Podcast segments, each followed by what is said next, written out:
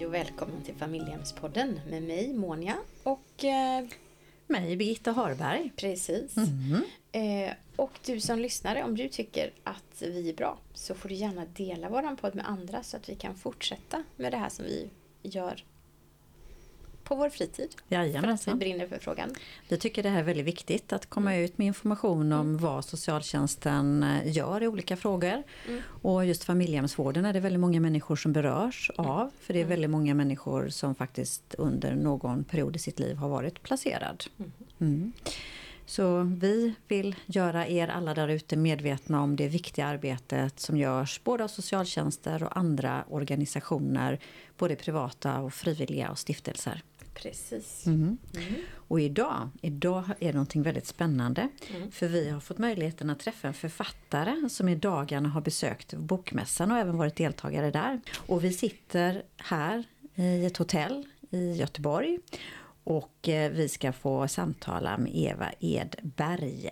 Men först ska vi höra om Klaras kalasbra. Klaras kalasbra Klara, sex år, tycker om att bestämma själv. Det är inte enkelt eftersom andra också bestämmer. Som att Klara sover borta och att lilla syster Lena sover ännu längre bort, det är inget som hon har bestämt. Idag undrar Klara hur gammal Lena ser ut och när hon fyller år. Hon minns inte, men längtar efter henne ändå. Så kommer Klara på vad alla säger som fyller år födelsedagsbarnet bestämmer. Då fyller jag 77 på lördag, beslutar hon sig för att skynda till köket för att ställa till kalas. Klara hittar pennor och gör inbjudningskort. Hon vill fixa ett fint födelsedagskalas och undrar om det finns kalasregler. Pappas ölfester på nätterna, de är inte fina. Gunilla blippar förbi. Åh, så snygga bokstäver, säger hon och läser vad Klara skrivit. Lena kom på kalas till lörd, på Klara på lördag klockan ett. Men Klara, Rara, du, du vet ju att hon inte kan. Ja, jag vet att jag sover hos dig så länge mamma sover på sjukhus och pappa sover lite varstans och Lena någon annanstans. Därför är kalaset på dagen. Gunilla hummar och hon letar i mobilen. Ja, såklart du ska ha kalas. Men dina nya kompisar kan väl komma istället? Säger hon så visar hon klasslistan. Klara hoppas på Lena. Hej! Jag är jätteglad för att träffa er. Jag har lyssnat mycket på er podd och eh, blev så glad att jag hittade er. Eh, och ja, så det är roligt att få vara här idag. Ja, och vi är mm. jätteglada att du hittade oss, Eva. Ja, ja verkligen. Ja. Vi har haft en väldigt trevligt försnack med dig. Ja. Jättehärligt. Mm. Och vi har ju också pratat lite på telefon och du har berättat om lite om dig innan vi träffas här. Mm. Eh, och du har egen erfarenhet av att bo i familjehem. Ja. Och eh, lite har du skrivit om i böcker. Eh, så vi tänkte att det hade varit så spännande om du ville berätta lite om dig själv först. Ja, det ska jag göra. Och jag ska bara berätta, det handlade faktiskt så om att jag hittade er just mm. när jag skrev min första bok. Jaha. Det ordnar sig, det ordnar sig. För jag är ute mycket och föreläser och det öppnades upp en helt ny värld för mig efter att jag började skriva de här böckerna. Mm. Och jag får vara ute bland familjehem och mm. utbildningsdagar och mm. bland annat i en panel mm. eh, där man då får de här olika perspektiven som jag tycker att ni är så duktiga på. Att man får träffa kanske någon som har varit i familjehem eller familjehemsförälder eller någon som jobbar med barnen och situationerna. Eller de nya lagarna som stiftas. Mm. Så vardagen och allt runt omkring. Mm. Mm. Mm. Men som sagt, jag har varit erfaren, jag har fått den här erfarenheten och kunskapen genom livet. Mm. Eh, jag har varit familjehemsplacerad från fyra års ålder till 16 års ålder. Och egentligen så började det med att eh, min eh, biologiska mamma, hon kom till Sverige när hon, i Pragvåren 1968. och bar med sig en massa saker då, med sin halva familj som var med då. Eh, och någonstans där så fick hon någon psykos när hon var lite äldre, ung vuxen. Och sedan så började jag själv då, jag var tydligen på någon barnhem eller något i början mm. också, vilket jag inte minns. Men jag började minnas någonting ifrån fyra års ålder. Och därifrån så har man många bilder. Och det kanske beror på att jag kan liksom hänga upp det på olika ställen där vi bodde. Jag bodde hos samma familjehem med en familjehemsmamma. Och mina första minnen, det var runt där jag var fyra år. Mm. Ja. Och då så satt jag i, i hallen och väntade på att min mamma skulle föda min lillebror. Jaha. Ja, och mm. jag kommer ihåg hela rummet, jag kommer ihåg liksom hur köket ligger där och mm. att det var fest. Och det var min styvpappa och så som hade fest. Och min egen pappa var faktiskt i fängelse just då. Och min pappa var då i fängelset. Så han kunde inte riktigt vara närvarande som han skulle vilja. Eh, och då fanns det en kvinna som kom och hälsade på oss. Hon var någon slags kontaktperson. Eh, och det var hon som blev sedan min fostermamma. Men jag kommer ihåg att hon var där och kom dit. Men sen har jag fått också saker återberättat. Och det var att hon gick in i köket och berättade, frågade om om jag då, Eva, kunde få sova hos henne en natt. Och det, hade, det gick ju bra under tiden då min lillebror skulle födas och så. Eh, och det, flera nätter blev ju en natt och det blev många nätter. Och till slut så eh, gick det faktiskt, vi flyttade från det ena huset till det andra. Och till slut så eh, skulle jag börja skolan. Så då kom det faktiskt ett brev som jag inte visste om. Och det här brevet hade ju ändå, påverkade mig på ett visst sätt. Och det var att jag skulle åka och hälsa på då min biologiska mamma som jag inte hade träffat på väldigt länge. Ehm, men det här visade sig att det inte bara var att jag skulle hälsa på utan jag skulle sova över. Och ja, det var ju någon slags infasning på något sätt, att jag skulle bo hos henne igen.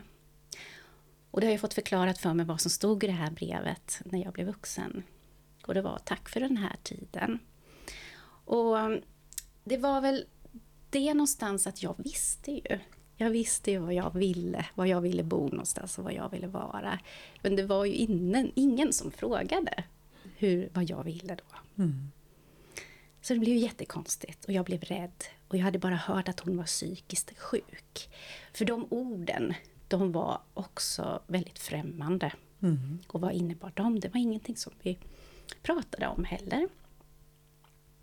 Vi levde nog ganska mycket i en tystnadskultur på den tiden. För hur som helst den var, när jag var i sjuårsåldern där, så kom jag tillbaka till den här småstaden och min fostermamma som jag bodde hos. Och eh, där fanns ju även min pappa. Och han hade ju kommit ut ur fängelset och han var ju på stan och jag kunde träffa på honom var som helst och ingenstans. Mm.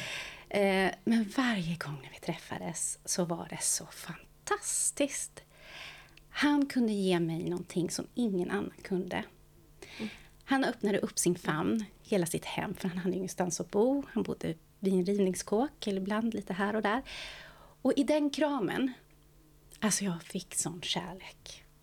Jag var så hemma. Det var så fantastiskt. Eh, ja, så alla när människor träff... kan ge så mycket, mm. även om de inte har så mycket. Ja. Mm. Mm. När du träffade honom, eh, var det, var det i de här spontana mötena på stan eller var det någonsin att det var slags arrangerat? Nej, jag, jag kommer faktiskt inte ihåg att det var arrangerat. Mm. Men däremot så du, han... Precis, jag ska komma in på det, för det som hände där det var, nu hör jag att det är något ljud i bakgrunden. Ja, men det bryr vi oss inte Nej, om. Nej, det gör vi inte. nu blir det bara mer ännu spännande här. Mm. Vad är det som ska hända? Jo, min fosterhemsmamma, hon kom och hämtade mig alldeles för tidigt på förskolan en dag. Mm. Och då var jag åtta år ungefär. Och hon sa att hon hade något att berätta. Mm. Och jag tyckte att det lät jättespännande. Och jag tänkte att nu ska jag få en present. Det väntar någonting liksom där hemma. För hon sa att hon skulle berätta när vi kommer hem. Och jag minns så himla väl, precis som jag kommer ihåg många andra bilder, hur jag liksom skuttade bredvid henne och hur solen lyste. Och, och jag kom in där i hallen och hade de här tapeterna som jag hade fått vara med och bestämma vilka de skulle vara. Och hur min krok, jag hängde upp jackan och vi satt oss i kökssoffan. Och, och så kom den här rapporten. Och det var som en rapport för hon sa liksom att din pappa dog i natt. Mm. Och han dog på gatan utanför någonstans där vid det här huset där han brukade slagga över. Då. Och min första tanke där var ju bara, men gud, jag, är ju inte, jag, jag känner inga tårar, jag är ju inte ledsen, jag är ingen, oh, vad, vad ska jag göra av den här nyheten? Mm. För mig var det en stor rapport liksom. Och då fick jag för mig att, ja men just det, jag, jag, det var ju någon som kände min pappa och jag kan ju, jag hade något vykort och någon telefonnummer så jag ringde den här unga människan eh, och hon svarade och det blev ju precis knäpptyst. Vad skulle hon säga? Hon var helt oförberedd också med den här nyheten. Ehm, och det var den kulturen, för det var aldrig så att vi pratade om döden eller det är ingen i skolan som tog upp det eller vad vi hade för olika familjehem, eller familjeförhållanden, ska jag mm. säga. Och vem var det du ringde den här kvinnan då? Ja, det var någon som hade för jag var mycket på fritids och skolor och, och dag, dagisplatser. Så det var någon som jobbade där. Ja. Mm. Som ja, hade var... sagt att ring mig om det är någonting? Nej, inte riktigt. Utan vi hade någon kontakt. Jag var och ja. hälsade på henne så efter. Ja. ja. det, det, blev mycket så att jag eh, knöt kontakt med samhället runt omkring med de som jobbade. Man blir i en institution. Jag var mm. sen mm. på dagis och bodde så också. Mm. Um, ja, men det öppnade ju upp någonting det här med att min pappa dog. Mm. För jag fick ju en helt, alltså vi hade ju mycket kring det här nätverkandet som är min pappas sida. Så var det ju så att, att jag fick en stora syster vid den här tidpunkten. Vi träffades första gången på begravningen. Hon var 18 år och hade vuxit upp i ett annat familjehem. Och vi har också pratat om detta, vad, det har, vad, vad hur en placering går till och såna här saker. Och jag har sagt att det oftast har varit som ett lotteri. Eh, och andra, vi har haft det helt olika helt enkelt med hur det har blivit mm. för oss Men två. Du, du, kände inte till att du hade en syster menar du? Nej, jag mm. hade inte riktigt kläm på det. Mm. Jag har ju då ett så halvsyskon, så det här var från min pappas sida. Och så har jag ju en, en halvbror från min mammas sida. Eh, på min pappas sida så öppnades det var aldrig tal om att jag skulle förflyttas eller bo någon annan. När jag träffade farbröder som kunde berätta mycket om min pappa och höll honom, hans minne vid, liksom, vid liv och sådär. Och jag träffade kusiner, det var väldigt roligt att åka och träffa dem, upplevde jag det som. Jag kände mig väldigt stärkt av det. Och att jag hade en stor släkt, jag kunde känna mig stolt liksom. Men från min mammas sida så blev det inte kommunikativt på ett samma sätt som det var ganska sorgligt egentligen. Det var lite onödigt. För det hade kunnat vara annorlunda mm. om man hade planerat och mm. eh, pratat om det. Även om man inte hade besluten färdiga så hade man kunnat prata om det. Mm. Och det är just sånt här som faktiskt, det vi satt och pratade om innan eh, intervjun, att saker händer i socialtjänsten. Och mm. Man har ju pratat om vikten av det här, att prata med barn om vem vill de träffa. Att det faktiskt inte bara är mamma och pappa. Mm. Precis. Och det är viktigt. viktigt. Jag menar din story är ju en del i att lyfta och viktigt med att ett ursprung och alla mm. de här. Det är så viktiga pusselbitar. Och det har vi ju fått till oss tidigare i podden också. Bland annat Louise, en personlig berättelse, berättar ju om det här. Hon blev placerad i sitt nätverk. Hur viktigt det är att ha de här kontakterna för att förstå var man kommer ifrån. Mm. Ja. ja, och jag tänker, jag har ett litet citat där ibland där, som jag själv, när jag själv är mamma. Mm. Och det är att eh, en förälders viktigaste uppgift är att ge ett barn rötter mm. och vingar. Mm. Och det är säkert ett citat som jag har hört innan. Mm. Eh, jag tycker det är så fint, för jag har den där erfarenheten, den kunskapen av att ja, men jag känner mig lite avklippt, men inte helt. För det finns alltid andra vuxna och andra slags föräldrar som kan ge en rötter och näring. Mm. Och sen ska man iväg på sina egna spår.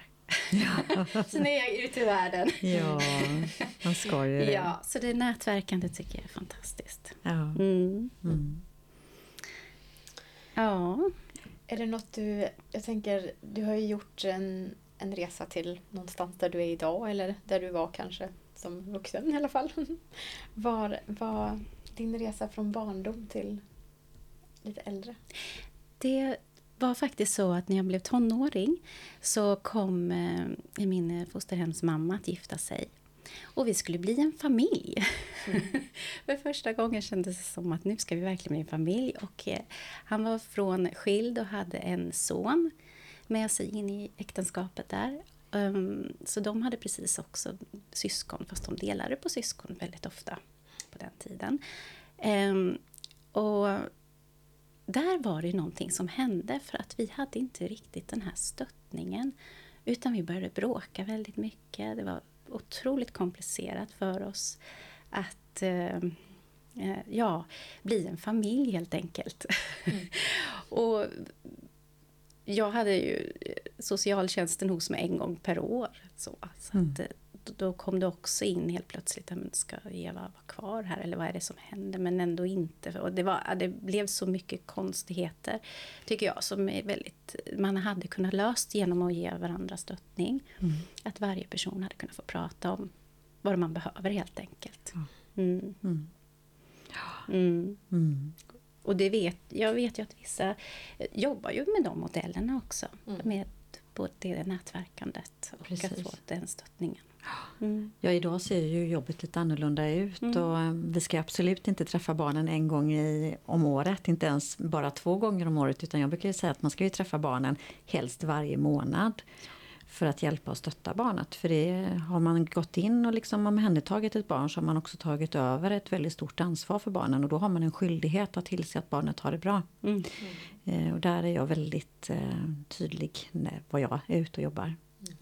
Mm. Och så, ja, det, precis som vi sa, att egentligen behöver man ju inte något kontor. Nej. Nej. Det har vi ju lite erfarenhet av pandemin mm. också, att vi klarar oss utan att själva arbetsfältet är någon annanstans. Precis. Att vara där ungdomarna är. Ja. Och jag som tonåring, alltså då ska man ju liksom frigöra sig och få vingar ifrån flera håll någonstans. Mm. Och det här att kunna få skjuta ifrån, få vara besvärlig, vara den där som är åh, ingen griper sig på. Liksom. Mm. Då har man lyckats någonstans som förälder kanske. Fast jag inte tror det själv, för jag har också tonåringar ja. som är på väg ut nu. Ja, så är det. ja. Och där är det också det här viktiga då att eh, som eh, Birgitta lyfter, lyfter fokuset att träffa barnet, ungdomen. Men jag tänker att eh, det kan vara utmanande att vara biologisk förälder till tonårsbarn. Mm. Eh, och då är det ju ännu viktigare med stödet till hela familjen. Mm. När man, för ibland gör det ju någonting att man inte har det biologiska i den, här ut, den fasen. Mm. Även om blodsband inte är allt. Mm. Absolut inte. Mm. Men när man är tonåring och ibland osäker på om man är älskad eh, och man ska frigöra sig, då tror jag att man, precis som du var inne på, alla behöver lite stöttning i den fasen. Mm. Mm. Ja, och vem är man lik? Vem är man olik? Mm. mm. Mm. Och om jag bråkar, får jag lov att vara kvar? Ja, precis. Det är det, för det är ju skillnaden mellan biologiska tonårsbarn och när man är familjens placerad. Det finns alltid skräcken mm. Eh, som placerat barn. Får jag lov att vara kvar? Är jag älskad trots att jag är så här bråkig? Ja, mm. verkligen. Mm. Och jag var ju lite bråkig när jag gav ut min första bok kan jag säga. Jag var så rädd. Mm. För det hände någonting med mig då. Och jag var eh, mamma själv. Mm. Och hade fått tvillingsöner och en son till. Så jag var otroligt, jobbade hårt. Jag var helt, jag var helt utmattad. Jag gick mm. in i en depression och så började jag skriva. Mm. Mm. Och att eh, få den här eh, känslan av att inte få finnas eller få vara eller någonting. Eller att man kanske stöter ut någon annan. Det är någonting som jag har jobbat jättemycket med och är väldigt rädd för själv. Mm. Eh, men grejen var att när jag hade skrivit hela den här boken så hade jag inte sagt någonting till min biologiska mamma. Mm. Och det var så otroligt läskigt. För jag var så rädd att jag skulle skada henne med mina ord. Mm. Eh, eh, och till slut så hade vi kanske träffats tre gånger någonting i vuxen ålder. Och så gjorde jag så att jag eh, skrev ett långt och krångligt brev till henne och fick tillbaka tre dagar senare, postgången. Mm. Och ute, innan releasen och allting, och innan det skulle stå i varenda bokhandel. Och hon bara sa så här att ja, men du ska vara stolt över boken. Vad fint. Och du var min stora räddning i livet. Mm. Och hon sa jag, jag tack. Rörd. Ja, tack mm. För att du finns. Mm. Och så, alltså från att, alltså jag beundrar henne. Hon är verkligen en mamma-idol. Mm. ja. Från att inte ha en mamma till att verkligen då eh, få den delen av en mamma. Mm. Medan min andra mamma, eh, då fosterhemsmamma, har gjort sånt fantastiskt jobb. Och vi har en jättefin relation idag kan jag säga mm. också. Mm. Mm, hon har varit som en mormor till mina barn. Ja, mm. Gud vad härligt. Så du har två mammor? Liksom. Jag har två mammor. Ja, mm. ja. ja. vad härligt. Mm. Men Eva, jag håller ju själv på att skriva böcker ja. och jag vet ju att det är, en, det är faktiskt en rätt stor process där att skriva böcker. Och hur, hur, liksom, hur kom det sig att du ändå kom på det här att jag ska skriva en bok om, eh, om allting? Ja, ja precis. Jag är jättenyfiken på dina böcker också. Vi ska prata om det. Men det var ju det här att det här klassiska, jag kan ju inte skriva någonting och jag hade inte pratat med någon. Jag vet inte vad psykolog var och jag vill inte gå till någon psykolog. Så då började jag skriva. Ja på tom papper lyssnade tyckte jag. Och efter det så började jag kalla det för bok och sen så, så, så jag säga, men jag har ju någonting att berätta. Aha. Men vem ska jag berätta det för? Mm. Så först var det mycket för mig själv men sen så insåg jag att ja, men jag vill ju faktiskt berätta det här för någonting och om någonting. Och på bibliotek och överallt så kollade jag eh, och det fanns det inte några böcker, så många i alla fall. Ett stort tomrum i den litterära världen där man kan eh, stöta på en familjehemsflicka med där författaren själv har erfarenheterna. Eh, och jag ville också göra den väldigt litterär. Den ska man brygga till att människor, att Klaras då som hon heter, att hennes vänner och bekanta och runt omkring ska ha lika mycket utdelning av boken och upplev, läsupplevelse. Mm. Så det blir en brygga av att förstå det i mm. den här situationen. Mm. Mm. Ja, jag, tycker ju du har lyckats kan jag säga. Jag tycker de är jättefina de här böckerna. Eh, och jag, jag trodde ju det var fyra böcker du hade gett ut men det var mer än fyra, eller hur? Det var, ja! ja. ADHD, bästis med fienden blev det också mitt i alltihopa. Aha. Ja. Och eh, det är ju kapitelböcker. Um, och den fick faktiskt eh, hamna på topplistan bland barnen på, jag, jag tror det var Bolibompa och SVT och de här kanalerna som satte upp en topplista. Mm. Och det var jätteroligt för att eh, den är ju lite då väldigt speciell för att den utgår ju från att det började brinna, varför började jag skriva mm. böcker som du sa? Mm. Alltså, nej, man, när det börjar brinna något i mig, mm. då vill jag skriva, då vill jag göra, eller använda bilden då ja. till det här. Och då var det att diagnoser på barn under den tidpunkten ökade väldigt mycket. Mm. Och den erfarenheten som jag bar på var ju att det fanns ju då många släktingar som hade diagnoser och många som bytte det. Så min mamma fick mm. en diagnos som sedan förvandlas till nästa, eller någon ny. Mm.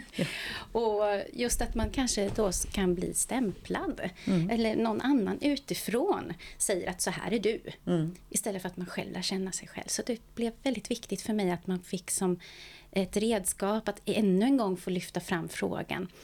Um, och när jag släppte boken märkte jag att oj, här fanns det ju jättemycket, eh, nästan lite polariserat.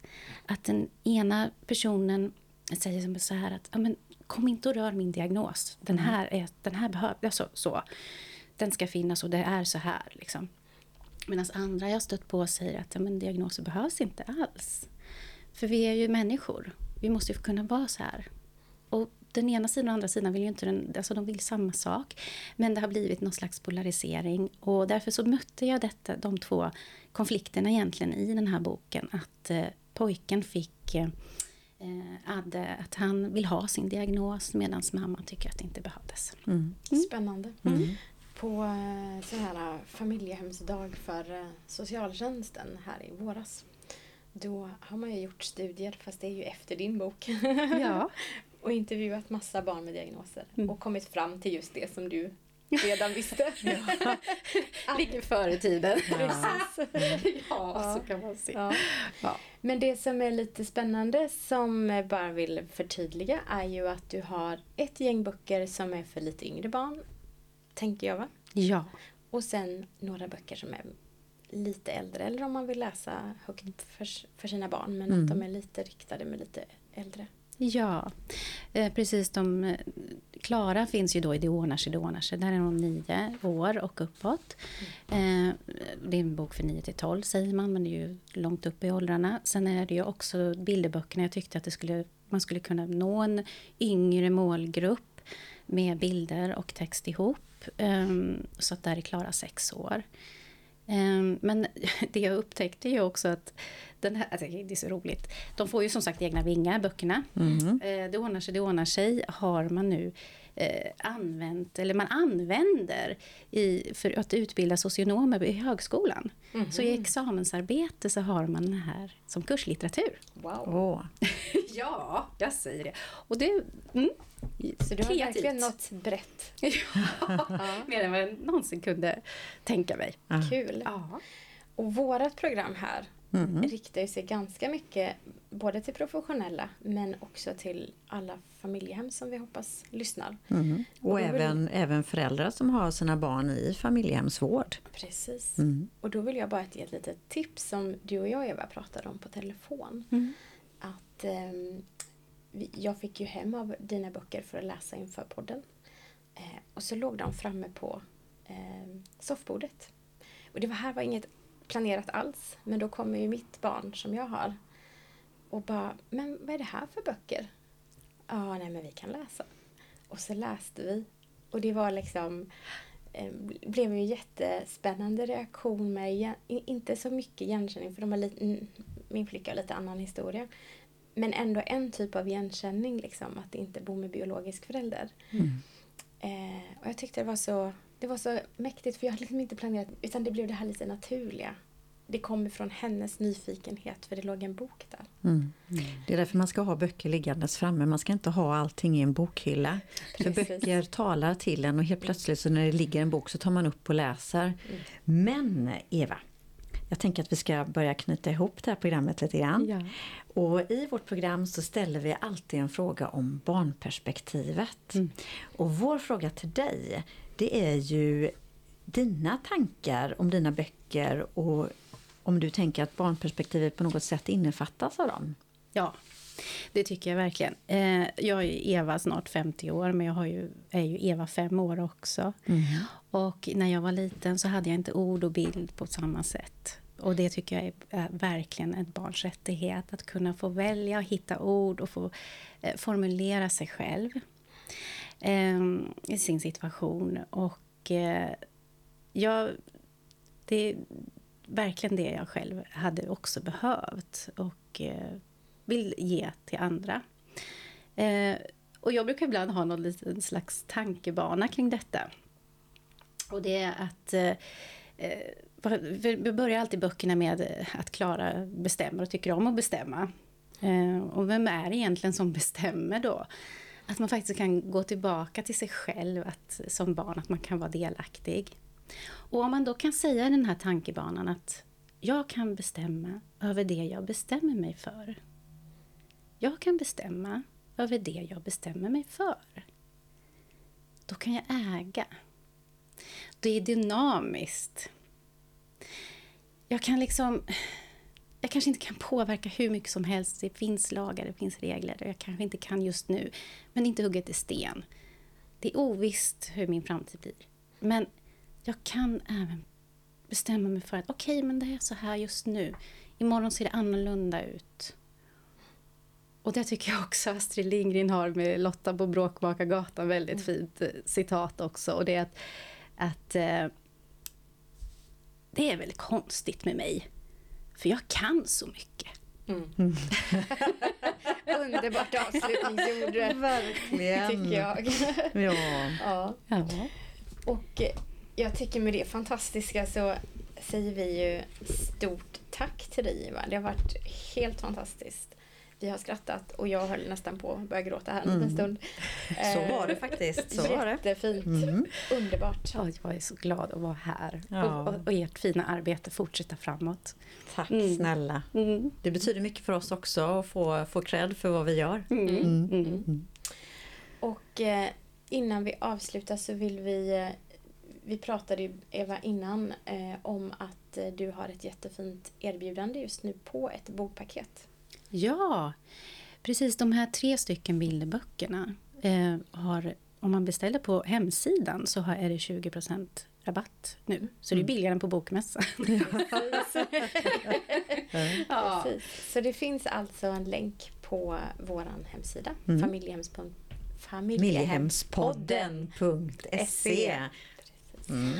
Och alla böckerna går ju att beställa i nätbokhandeln. Ja. Så om man vill intresserad av de andra böckerna också. Mm. Och det är, det är faktiskt bra priser för barn. Mm. Ja. Mm. Vi kommer lägga ut de länkarna till alla dina böcker tänker jag. Mm. På vår hemsida. Ja, mm. vi. Men vi trycker idag också lite extra för att du hade ett erbjudande. Ja. ja. ja. Och det gäller till 15 oktober 2022 om någon nu råkar lyssna på detta mm. nästa år, ja. 23 eller något ja.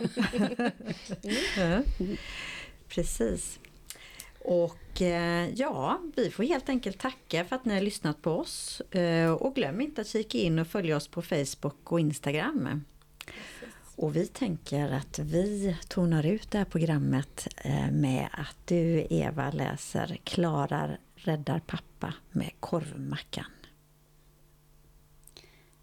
Klara räddar pappa med korvmackan. Klara, sex år, tycker om att bestämma själv. Men det är inte enkelt eftersom andra också bestämmer.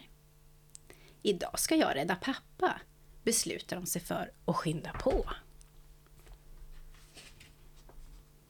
Klara tycker att det, pappa är enklare att rädda än mamma som sover på sjukhus. Det är bestämt att Klara sover hos Gunilla så länge.